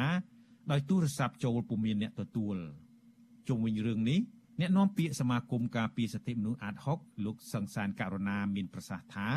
សង្គមស៊ីវិលព្រួយបារម្ភដែលអាជ្ញាធរនិងតុលាការមិនទាន់បង្ហាញលទ្ធផលស៊ើបអង្កេត ឬចំណាត់ការជាក់លាក់ណាមួយ ដើម្បីវែកមុខជនល្មើសយកមកផ្ដន់ទាទោសតាមច្បាប់ លោកថាប្រការនេះវាធ្វើឲ្យវប្បធម៌នីតិរដ្ឋភាពបន្តកើតឡើងនៅក្នុងសង្គមថែមទៀតហើយពលរដ្ឋនឹងបាត់បង់ជំនឿលើការអនុវត្តច្បាប់ លោកយល់ថាករណីនេះអាជ្ញាធរពាក់ព័ន្ធមិនពិបាកស្រាវជ្រាវឬស៊ើបអង្កេតយូរទេប្រសិនបើអាជ្ញាធរទាំងនោះមានឆន្ទៈស្វែងរកជនល្មើសយកមកផ្ដន់ទាទោសលោកបន្ថែមថា ប្រសិនបើមានករណីគំរាមកំហែងជនរងគ្រោះមិនឲ្យសម្ដែងមតិទាមទាររកយុត្តិធម៌ជុំវិញរឿងនេះទេ វាគឺជាអំពើល្មើសច្បាប់និងរំលោភសិទ្ធិពលរដ្ឋធ្ងន់ធ្ងររឿងដែលបះពលរដ្ឋដែលរងគ្រោះ មិននាំគ្នាស្វះស្វែងរកដំណោះស្រាយរកយុត្តិធម៌ជូនពួកគាត់ទៅតាមផ្លូវច្បាប់ទេបែរជាទៅប្រើវិធីផ្សេងផ្សេងបិទបាំងគម្រាមកំហែងទៅជាយាយីដែលមានការរិះគន់ពីសហគមន៍ជាតិអន្តរជាតិអំពីប្រព័ន្ធយុត្តិធម៌ឬក៏ការអនុវត្តច្បាប់នៅក្នុងប្រទេសកម្ពុជាយើងហ្នឹងគឺมันមានភាពឯករាជ្យมันមានការអនុវត្តឲ្យបានត្រឹមត្រូវហើយគេតែងតែហៅថាវាជាអំពើនិតិនភាពហ្នឹង ជុំវិញករណីចំនួនដីធ្លីនេះជនរងគ្រោះលោកមុំចន្ទថាឲ្យដឹងថាអាជ្ញាធរផ្ដល់សំណងជាគោលនយោបាយឲ្យពលរដ្ឋ1600រៀលក្នុង1ម៉ែត្រការ៉េប៉ុន្តែពលរដ្ឋចាត់ទុកដំណោះស្រាយបែបនេះជារឿងអយុត្តិធម៌ដែលពលរដ្ឋមិនអាចទទួលយកបានពីព្រោះតម្លៃរដ្ឋផ្ដល់ឲ្យនេះតិចតួចមិនអាចឲ្យពលរដ្ឋយកទៅដោះស្រាយជីវភាពបានឡើយលោកថាពលរដ្ឋស្នើឲ្យអាជ្ញាធរផ្ដល់សំណងគោលនយោបាយឲ្យបានសមរម្យ គឺ20000រៀលក្នុង1ម៉ែត្រការ៉េវិញប៉ុន្តែអាជ្ញាធរមិនទាន់ឆ្លើយតបសំណើរបស់ពលរដ្ឋនៅឡើយទេករណីកម្លាំងយោធាចុះបង្ក្រាបពលរដ្ឋរឿងដីធ្លី ដោយការបាញ់ប្រហារនេះតែងកើតមានឡើងជាញឹកញាប់ដូចជានៅខេត្តក្រចេះក្នុងឆ្នាំ2018និងខេត្តប្រស័យអនុនៅឆ្នាំ2019ក្រមសង្គមស៊ីវិលនិងពលរដ្ឋជាពិសេសជនរងគ្រោះទាមទារឲ្យអាជ្ញាធរស៊ើបអង្កេតករណីបាញ់បោះលើពលរដ្ឋនេះឲ្យបានត្រឹមត្រូវ ដោយចាប់ជនល្មើសយកមកផ្ដន់ទោសតាមច្បាប់ដើម្បីលុបបំបាត់អំពើនីតិរដ្ឋភាពពួកគេក៏ស្នើឲ្យអាជ្ញាធរបញ្ឈប់ការប្រើប្រាស់កម្លាំងប្រដាប់អាវុធបង្កហិង្សាលើអ្នកតវ៉ាដីធ្លីខ្ញុំជីវិតាអាស៊ីសេរីចាលោកនាងជាទីមេត្រីលោកសំរងស៊ីប្រធានស្ដីទីគណៈបកសង្គ្រោះជាតិអះអាងថាលោកនាយរដ្ឋមន្ត្រីហ៊ុនសែនបានបន្លំ លួចចូលទៅក្នុងកិច្ចប្រជុំតាមអនឡាញរបស់មន្ត្រីជាន់ខ្ពស់គណៈបកសង្គ្រោះជាតិកាលពីពេលថ្មីថ្មីនេះចាបញ្ហានេះអ្នកវិភាគលើកឡើងថាក៏ជាឱកាសល្អមួយដែលអ្នកនយោបាយបកកាន់អំណាចនិងបកប្រឆាំងគួរតែងាកមករកផ្លូវចរចាវិញដើម្បីផលប្រយោជន៍ជាតិទាំងមូលចតើលោកហ៊ុនសែនពិតជាបានបន្លំខ្លួនចូលរួមប្រជុំជាមួយមន្ត្រីគណៈបកសង្គ្រោះជាតិនោះមែនដែរឬយ៉ាងណាចតើមេដឹកនាំគណៈបកប្រឆាំងនិងគណៈបកកណ្ដាលអំណាចគួរតែងាករកផ្លូវចរចាវិញដែរឬទេ ចាសសូមលោកនាងរងចាំទស្សនាបទសម្ភាសន៍មួយរបស់លោកទីនសការីយ៉ាជាមួយនឹងអ្នកខ្លំមើលស្ថានភាពនយោបាយនៅកម្ពុជាអំពីបញ្ហានេះនៅក្នុងការផ្សាយរបស់យើងនៅពេលបន្តិចទៀតនេះ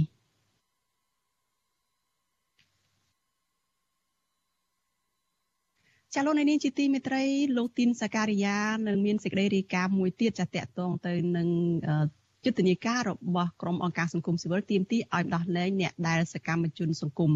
ចាក្រុមអង្គការសង្គមស៊ីវិលបន្តធ្វើយុទ្ធនាការចូលដល់សប្តាហ៍ទី6ទាមទារឲ្យតុលាការដោះលែងមេសហជីពគឺលោករងឈុននិងយុវជនសង្គមចំនួន7នាក់ទៀតឲ្យមានសេរីភាពខណៈពួកគាត់ខ្លះកំពុងតែធ្លាក់ខ្លួនឈឺធ្ងន់នៅក្នុងពន្ធនាគារ អ្នកខ្លាំមើលជំរុញឲ្យរដ្ឋាភិបាលទម្លាក់ចោលបទចោទនិងអន្តរាគមដោះលែងពួកគាត់មកវិញ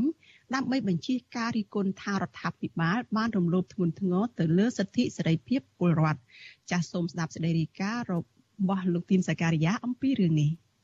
ក្រុមអង្គការសង្គមស៊ីវិល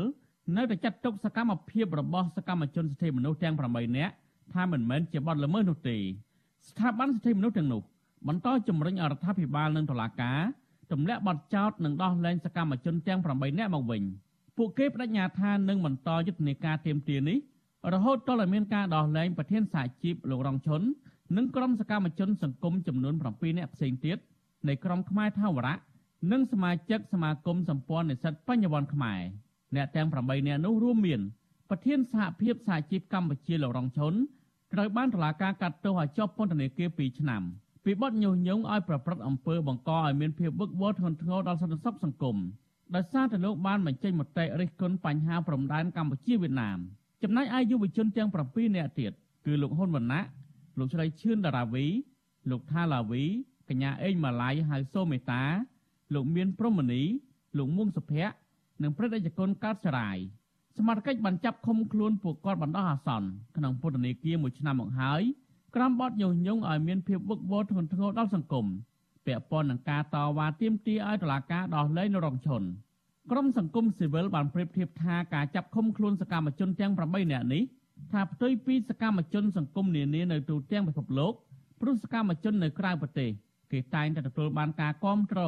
និងលើកទឹកចិត្តពីសាធារណជននិងអាជ្ញាធររដ្ឋក៏ប៉ុន្តែនៅកម្ពុជាវិញអាជ្ញាធរបានចាប់ឃុំខ្លួនសកម្មជនដែលឈរនៅជួរមុខ និងអ្នកមានភាពសកម្មក្នុងកិច្ចការការពារសិទ្ធិនិងផលប្រយោជន៍កម្មករគ្រូបង្រៀនឬបញ្ហាសង្គមសកម្មជនទាំង8នាក់ក៏មិនទទួលបានការគាំទ្រយកចិត្តទុកដាក់ឬលើកទឹកចិត្តពីអាជ្ញាធររដ្ឋឡើយតែបែរជាទទួលការគំរាមកំហែងបំផិតបំភ័យនិងចាប់ដាក់ពន្ធនាគារទៅវិញសង្គមស៊ីវិលបារម្ភថាបើសិនជាអ្នកទាំង8នាក់ត្រូវបានតុលាការផ្តន្ទាទោសដាក់ពន្ធនាគារតើអ្នកណានឹងបន្តភាពសកម្មនិយមរបស់ពួកគេដើម្បីសិទ្ធិនិងផលប្រយោជន៍គ្រូបង្រៀន និងបញ្ហាសង្គមតទៅទៀតក្នុងយុទ្ធនាការសប្តាហ៍ទី6នេះក្រុមសង្គមស៊ីវិលក៏បានសរសេរអក្សរលើផ្ទាំងរូបថតលោករងឈុនថាលោកបានបញ្ចេញមតិដើម្បីសិទ្ធិរបស់យើងឥឡូវយើងបញ្ចេញមតិដើម្បីសិទ្ធិរបស់លោកវិញប្រធានអង្គការសម្ព័ន្ធភាពការពារសិទ្ធិមនុស្សកម្ពុជាហៅកាត់ថាច្រាក់លោករស់សុថាគាំទ្រយុទ្ធនាការនេះព្រោះជាការសម្ដែងមតិស្របតាមច្បាប់រដ្ឋធម្មនុញ្ញលោកយល់ថាតុលាការនិងរដ្ឋាភិបាល មិនគួរបន្តចោទប្រកាន់សកម្មជនទាំង8នាក់នេះបន្តទៀតទេព្រោះការធ្វើបែបនេះមិនបានផ្ដល់ផលប្រយោជន៍ដល់សង្គមជាតិទេ ពិសេសគឺធ្វើឲ្យប៉ះពាល់មុខមាត់រដ្ឋាភិបាលទៅវិញទេលោកក៏ជំរុញឲ្យអាជ្ញាធររដ្ឋយកចិត្តទុកដាក់មើលថែសុខភាពសកម្មជនទាំង8នាក់នេះឲ្យល្អប្រសើរដែរបើពុំដូច្នោះទេរដ្ឋាភិបាលនឹងរងការរិះគន់បន្ថែមទៀត។ រដ្ឋាភិបាលលោកគិតខុសបាទក៏គិតខុសក៏គិតថាអ្វីដែលគាត់ធ្វើនឹងនឹងបានចំណេញគាត់មើលតែមួយមុខគឺការពារនៅផលប្រយោជន៍របស់គាត់នៅនយោបាយក៏ប៉ុន្តែគាត់ភ្លេចពីការបាត់បង់នៅធម្មមានរូបរបស់រដ្ឋាភិបាលចំពោះប្រជាជនចំពោះសហគមន៍អន្តរជាតិព្រោះករណីនេះវាច្បាស់កលែតដូចយើងមើលឃើញនៅថ្ងៃអញ្ចឹងណាថាពលរដ្ឋទាំងអស់នោះអត់មានខុសអីទាំងអស់ដូច្នេះហើយធ្វើឲ្យភាពមិនល្អហ្នឹងគឺថាវានៅការឡើងច្រើនឡើងច្រើនឡើងនៅក្នុងស្ថាប័នរាជរដ្ឋាភិបាលសពថ្ងៃ អសីសេរីមិនអាចសុំការឆ្លើយតបពីអ្នកនាំពាក្យរដ្ឋាភិបាលលោកផៃស៊ីផាននិងអ្នកនាំពាក្យគណៈកម្មាធិការសិទ្ធិមនុស្សកម្ពុជាលោកអនកតាបានទេនៅថ្ងៃទី13កញ្ញាទោះជាយ៉ាងណារដ្ឋាភិបាលហាក់លែងខ្វល់ខ្វាយពីការរិះគន់នេះទៅហើយដោយស្ថាប័ននេះតែងតែទទួលរងរិះគន់ថាប្រាដៃតឡាការនឹងបានរុញការទទួលខុសត្រូវចំពោះរឿងរំលោភសិទ្ធិមនុស្សទៅស្ថាប័នតឡាការទាំងស្រុងចំណែកឯសាច់ញាតិនិងមិត្តភ័ក្តិរបស់អ្នកជាប់ឃុំទាំង8នាក់វិញ ក៏ទាមទារឲ្យដោះលែងអ្នកទាំង8នាក់វិញដែរប្រធានសមាគមគ្រូបង្រៀនកម្ពុជាអាយក្រិចអ្នកស្រីអង្គឆាយាវីទទូចឲ្យសមត្ថកិច្ចដោះលែងលោករងឈុននិងយុវជនទាំង7នាក់ដើម្បីឲ្យពួកគេអាចចេញមកសម្រាប់ព្យាបាលជំងឺរៀងខ្លួនក្នុងពេលពួកគាត់សុទ្ធតែធ្លាក់ខ្លួនឈឺនៅក្នុងមន្ទីរឃុំឃាំងពិសេសគឺលោករងឈុនដែលមានដុំឈាមកកក្នុងភ្នែកម្ខាងផ្នែកខាងស្ដាំគិតត្រឹមថ្ងៃទី13កញ្ញាលោករងឈុន មិនទាន់ទទួលបានការវះកាត់ដុំឈាមកកនៅក្នុងភ្នែកនេះទេចាប់តាំងពីឆ្នាំ2020មករបបលហ៊ុនសែនបានចាប់ខ្លួនសកម្មជននយោបាយសកម្មជនសង្គមសិទ្ធិមនុស្សនិងបរិស្ថានជិត90នាក់ហើយដោយសារតែការអនុវត្តសិទ្ធិជាមូលដ្ឋានរបស់ខ្លួនអង្គការសិទ្ធិមនុស្សជាតិអន្តរជាតិនិងក្រុមអ្នកជំនាញផ្នែកសិទ្ធិមនុស្សរបស់អង្គការសហប្រជាជាតិបានហៅការចាប់ខ្លួនទាំងនេះថាជាសកម្មភាពបង្ក្រាបលើសម្លេងរិះគន់ ពួកគេទាមទាររដ្ឋាភិបាលដោះលែងសកម្មជនទាំងអស់ដោយគ្មានលក្ខខណ្ឌនិងបញ្ឈប់អំពើរំលោភសិទ្ធិមនុស្សតទៅទៀតខ្ញុំធីនសាការីយ៉ាសិរីប្រធានីវ៉ាស៊ីនតោនចាលោកនាងជាទីមេត្រីលោកអ្នកកំពុងតាមដានការផ្សាយរបស់វិទ្យុអាស៊ីសេរីផ្សាយចេញពីរដ្ឋធានី Washington សហរដ្ឋអាមេរិកចាអ្នកខ្លាំមើលកម្ពុជារិះគន់ការដែលលោកនាយរដ្ឋមន្ត្រីហ៊ុនសែន ចាស់លោកនាងជាទីមេត្រីចាតកតងទៅនឹងសិទ្ធិសេរីភាពរបស់ប្រជាពលរដ្ឋសិទ្ធិសេរីភាពសារព័ត៌មានវិញម្ដងចាមានការរិះគន់ថាការក្រោយការបង្ក្រាបនៅក្នុងឆ្នាំ2017នោះគឺសិទ្ធិសេរីភាពផ្នែកសារព័ត៌មាននេះគឺបន្តធ្លាក់ចុះមិនមានស្ថានភាពល្អឡើងវិញឡើយចាសូមស្ដាប់សេចក្តីរាយការណ៍របស់លោកមួណារ៉េតអំពីរឿងនេះរយៈពេល4ឆ្នាំមកនេះ របបលោកហ៊ុនសែនហាក់ដូចជាមិនបន្ធូរដៃនៅក្នុងការបង្ក្រាបលើសេរីភាពសារព័ត៌មាននោះឡើយទោះជារបបនេះក្រសោបបានអំណាចទាំងស្រុងមកកាន់កាប់តែម្នាក់ឯងហើយក៏ដោយអ្នកសារព័ត៌មាននៅតែទទួលរងការធ្វើទុកបុកម្នេញឥតស្រាកស្រានតាមផ្លូវតុលាការនិងការសម្លុតគម្រាមពីសំណាក់អាជ្ញាធរ នាយកប្រតិបត្តិសម្ព័ន្ធអ្នកសារព័ត៌មានកម្ពុជាហៅកាត់ថា Cambodia លោកណប់វីសង្កេតឃើញថាសេរីភាពសារព័ត៌មាននៅកម្ពុជាមិនទាន់វិវត្តទៅរកភាពប្រសើរឡើងវិញដោយនៅមុនការបោះឆ្នោតឃុំសង្កាត់ឆ្នាំ2017នោះនៅឡើយទេលោកបន្តថាអ្នកសារព័ត៌មាននៅតែរងបណ្ដឹងនៅក្នុងតុលាការនៅក្នុងនោះអ្នកខ្លះកំពុងតែជាប់ឃុំនៅក្នុងពន្ធនាគារដោយសារតែការងាររបស់ខ្លួន។ ក្រៅពីនេះករណីនីតិរដ្ឋភាពប្រឆាំងនឹងអ្នកសារព័ត៌មានដូចជាការប្រើអំពើហិង្សាលើអ្នកសារព័ត៌មានជាដើម នៅតែកើតមានជាបន្តបន្ទាប់លោកណប់វីបន្ថែមទៀតថានៅដំណាក់កាលចុងក្រោយនេះបញ្ហាសវត្ថភាពរបស់អ្នកសារព័ត៌មានរឹតតែជារឿងគួរឲ្យព្រួយបារម្ភពីព្រោះពួកគាត់មួយចំនួនត្រូវអាជ្ញាធរសម្លុតគម្រាមនឹងតាមបំផិតបំភ័យនៅពេលចុះយកព័ត៌មាន ត្រីមួយចំនួនសមត្ថកិច្ចនៅមូលដ្ឋានខ្លះនេះគឺរហូតដល់ហ៊ានជិះម៉ូតូបដិញចាប់ដកហូតកាមេរ៉ាឬមួយក៏ទូរស័ព្ទដៃរបស់អ្នកសារព័ត៌មានយកទៅលុបរូបហើយមានសមត្ថកិច្ចខ្លះនឹងហ៊ានរហូតដល់ដកហូតបានកាតែទៅចេញដោយក្រសួងព័ត៌មានហ្នឹងយកទៅទុកដល់យើងស្នើសុំវិញហ្នឹងក៏ឆ្លើយបដិសេធមិនដឹងមិនលឺរហូតដល់មានការដាក់កាត់អីទៅមន្ត្រីថ្នាក់លើអញ្ចឹងទៅបានយើងទទួលបានបានបដិសេធអីយ៉ាងត្រឡប់មកវិញអញ្ចឹងសកម្មភាពទាំងអស់នេះគួរតែទទួលនៅវិធានការរដ្ឋបាលជាក់លាក់ដើម្បីធានាថាយើងធ្វើកិច្ចការងារជាដៃគូនឹងគ្នាកុំឲ្យថាសមាជិកនៅមូលដ្ឋានទៅជាយកអ្នកសារព័ត៌មានគឺជាសត្រូវទៅវិញស្រដៀងគ្នានេះដែរអ្នកសារព័ត៌មានសេរី លោកពៅមេតា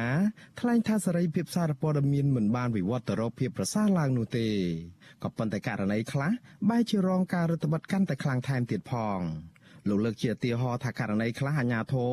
បានតម្រូវឲ្យអ្នកសារព័ត៌មានសុំការអនុញ្ញាតពេលចុះយកព័ត៌មានហើយពេលខ្លះទៀតអាជ្ញាធរបានចាប់យកសម្ភារៈនិងលុបរូបថតឬក៏វីដេអូរបស់អ្នកសារព័ត៌មាន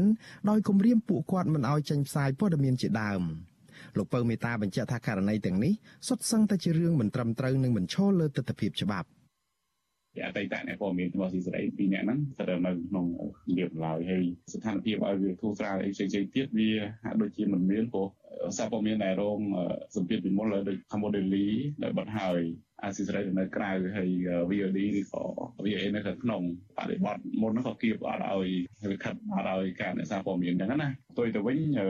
បែរជាឲ្យសារព័ត៌មានមួយចំនួនដូចជាសារព័ត៌មានបែបអនឡាញដែលតែម្នាក់ឯងឬក៏ម្នាក់គាត់មាន website ម្នាក់ឯងគាត់និយាយអធិប្បាយ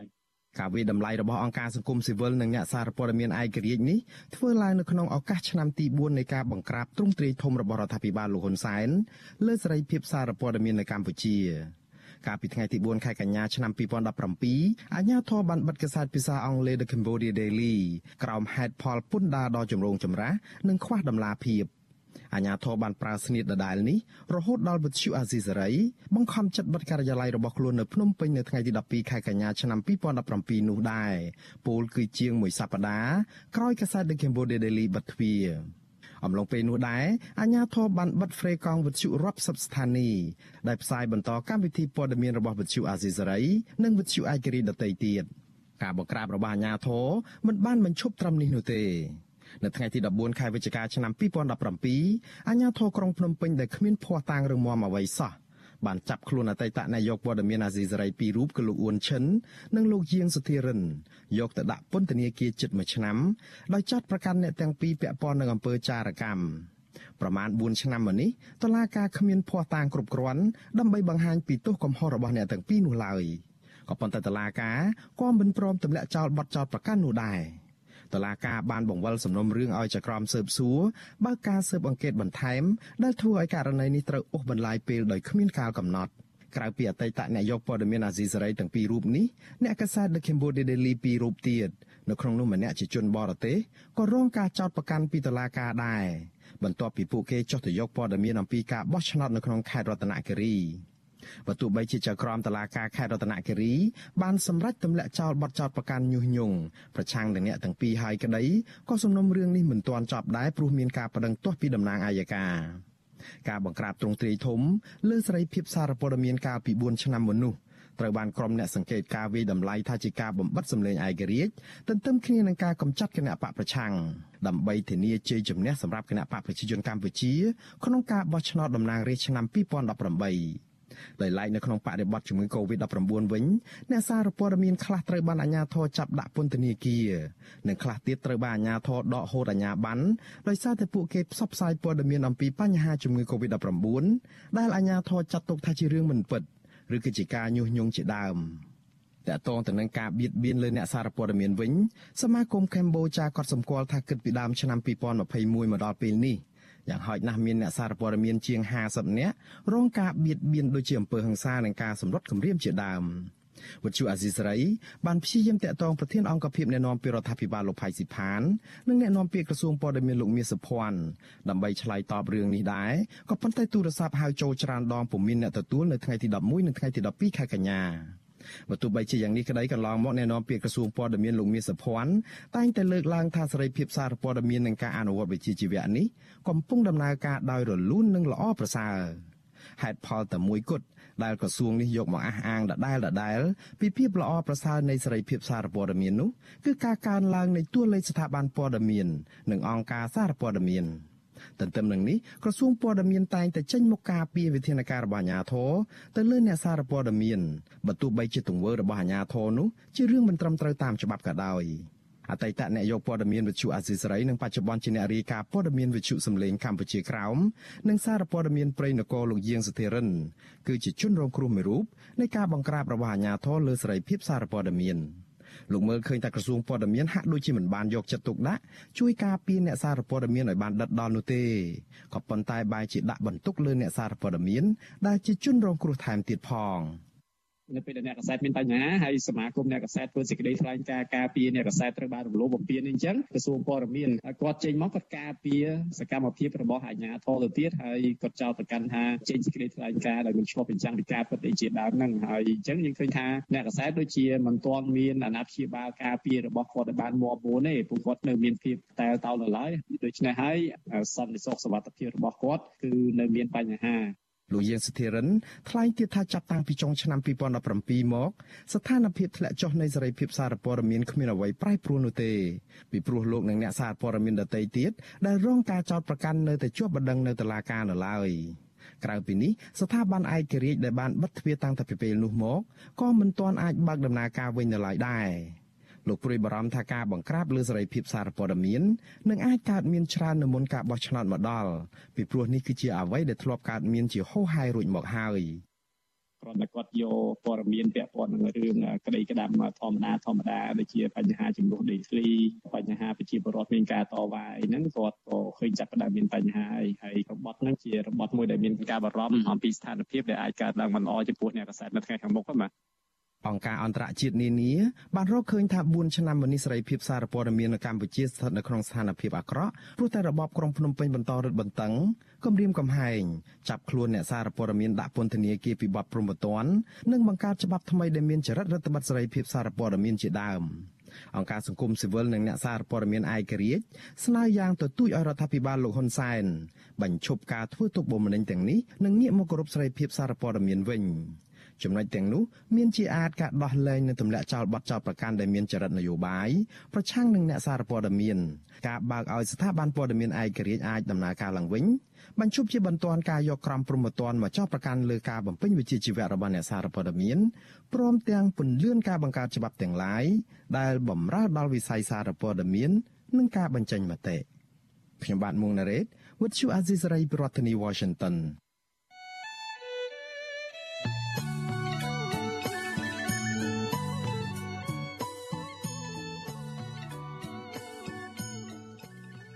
លោកនាងជាទីមេត្រីលោកនាងក៏អាចស្ដាប់ការផ្សាយរបស់វិទ្យុអាស៊ីសេរីដំណើរគ្នានឹងការផ្សាយតាមបណ្ដាញសង្គម Facebook និង YouTube នេះតាមរយៈវិទ្យុរលកធាតុអាកាសខ្លី SW តាមកម្រិតនិងកម្ពស់ដូចតទៅនេះពេលព្រឹកចាប់ពីម៉ោង5កន្លះដល់ម៉ោង6កន្លះតាមរយៈរលកធាតុអាកាសខ្លី9940 kHz ស្មើនឹងកម្ពស់ 30m និងពេលយប់ចាប់ពីម៉ោង7កន្លះដល់ម៉ោង8កន្លះតាមរយៈរលកធាតុអាកាសខ្លី9960 kHz ស្មើនឹងកម្ពស់ 30m និង11240 kHz ស្មើនឹងកម្ពស់ 25m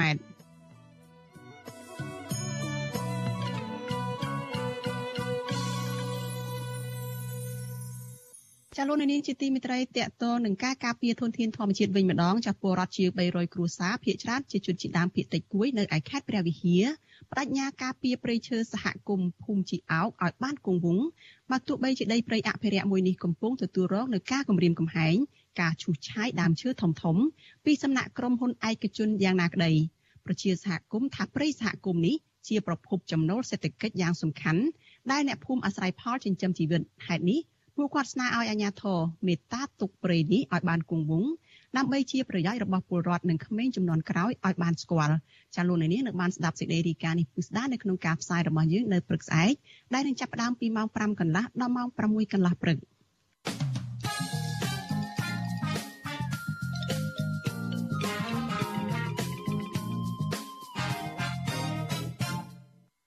ចាលោកនាងជាទីមេត្រីចំពោះលោកនាងដែលកំពុងតាមដានការផ្សាយរបស់វិទ្យុអាស៊ីសេរីតាមវិទ្យុរលកធាតុអាកាសខ្លីចានេះខ្ញុំសូមជម្រាបលាលោកអ្នកត្រឹមតែប៉ុណ្ណេះប៉ុន្តែចំពោះលោកអ្នកនាងដែលកំពុងតាមដានការផ្សាយរបស់យើងចាតាមបណ្ដាញសង្គម Facebook និង YouTube ចាសូមលោកអ្នកនាងបន្តតាមដានការផ្សាយរបស់យើងជាបន្តទៅទៀតចានៅក្នុងកម្មវិធីបន្តទៅទៀតនេះចាលោកទីនសាការីយ៉ានឹងមានសម្ភារផ្ទាល់មួយជាមួយនឹងអ្នកវិភាគចាតកតងទៅនឹងការអះអាងថាលោកនាយរដ្ឋមន្ត្រីហ៊ុនសែន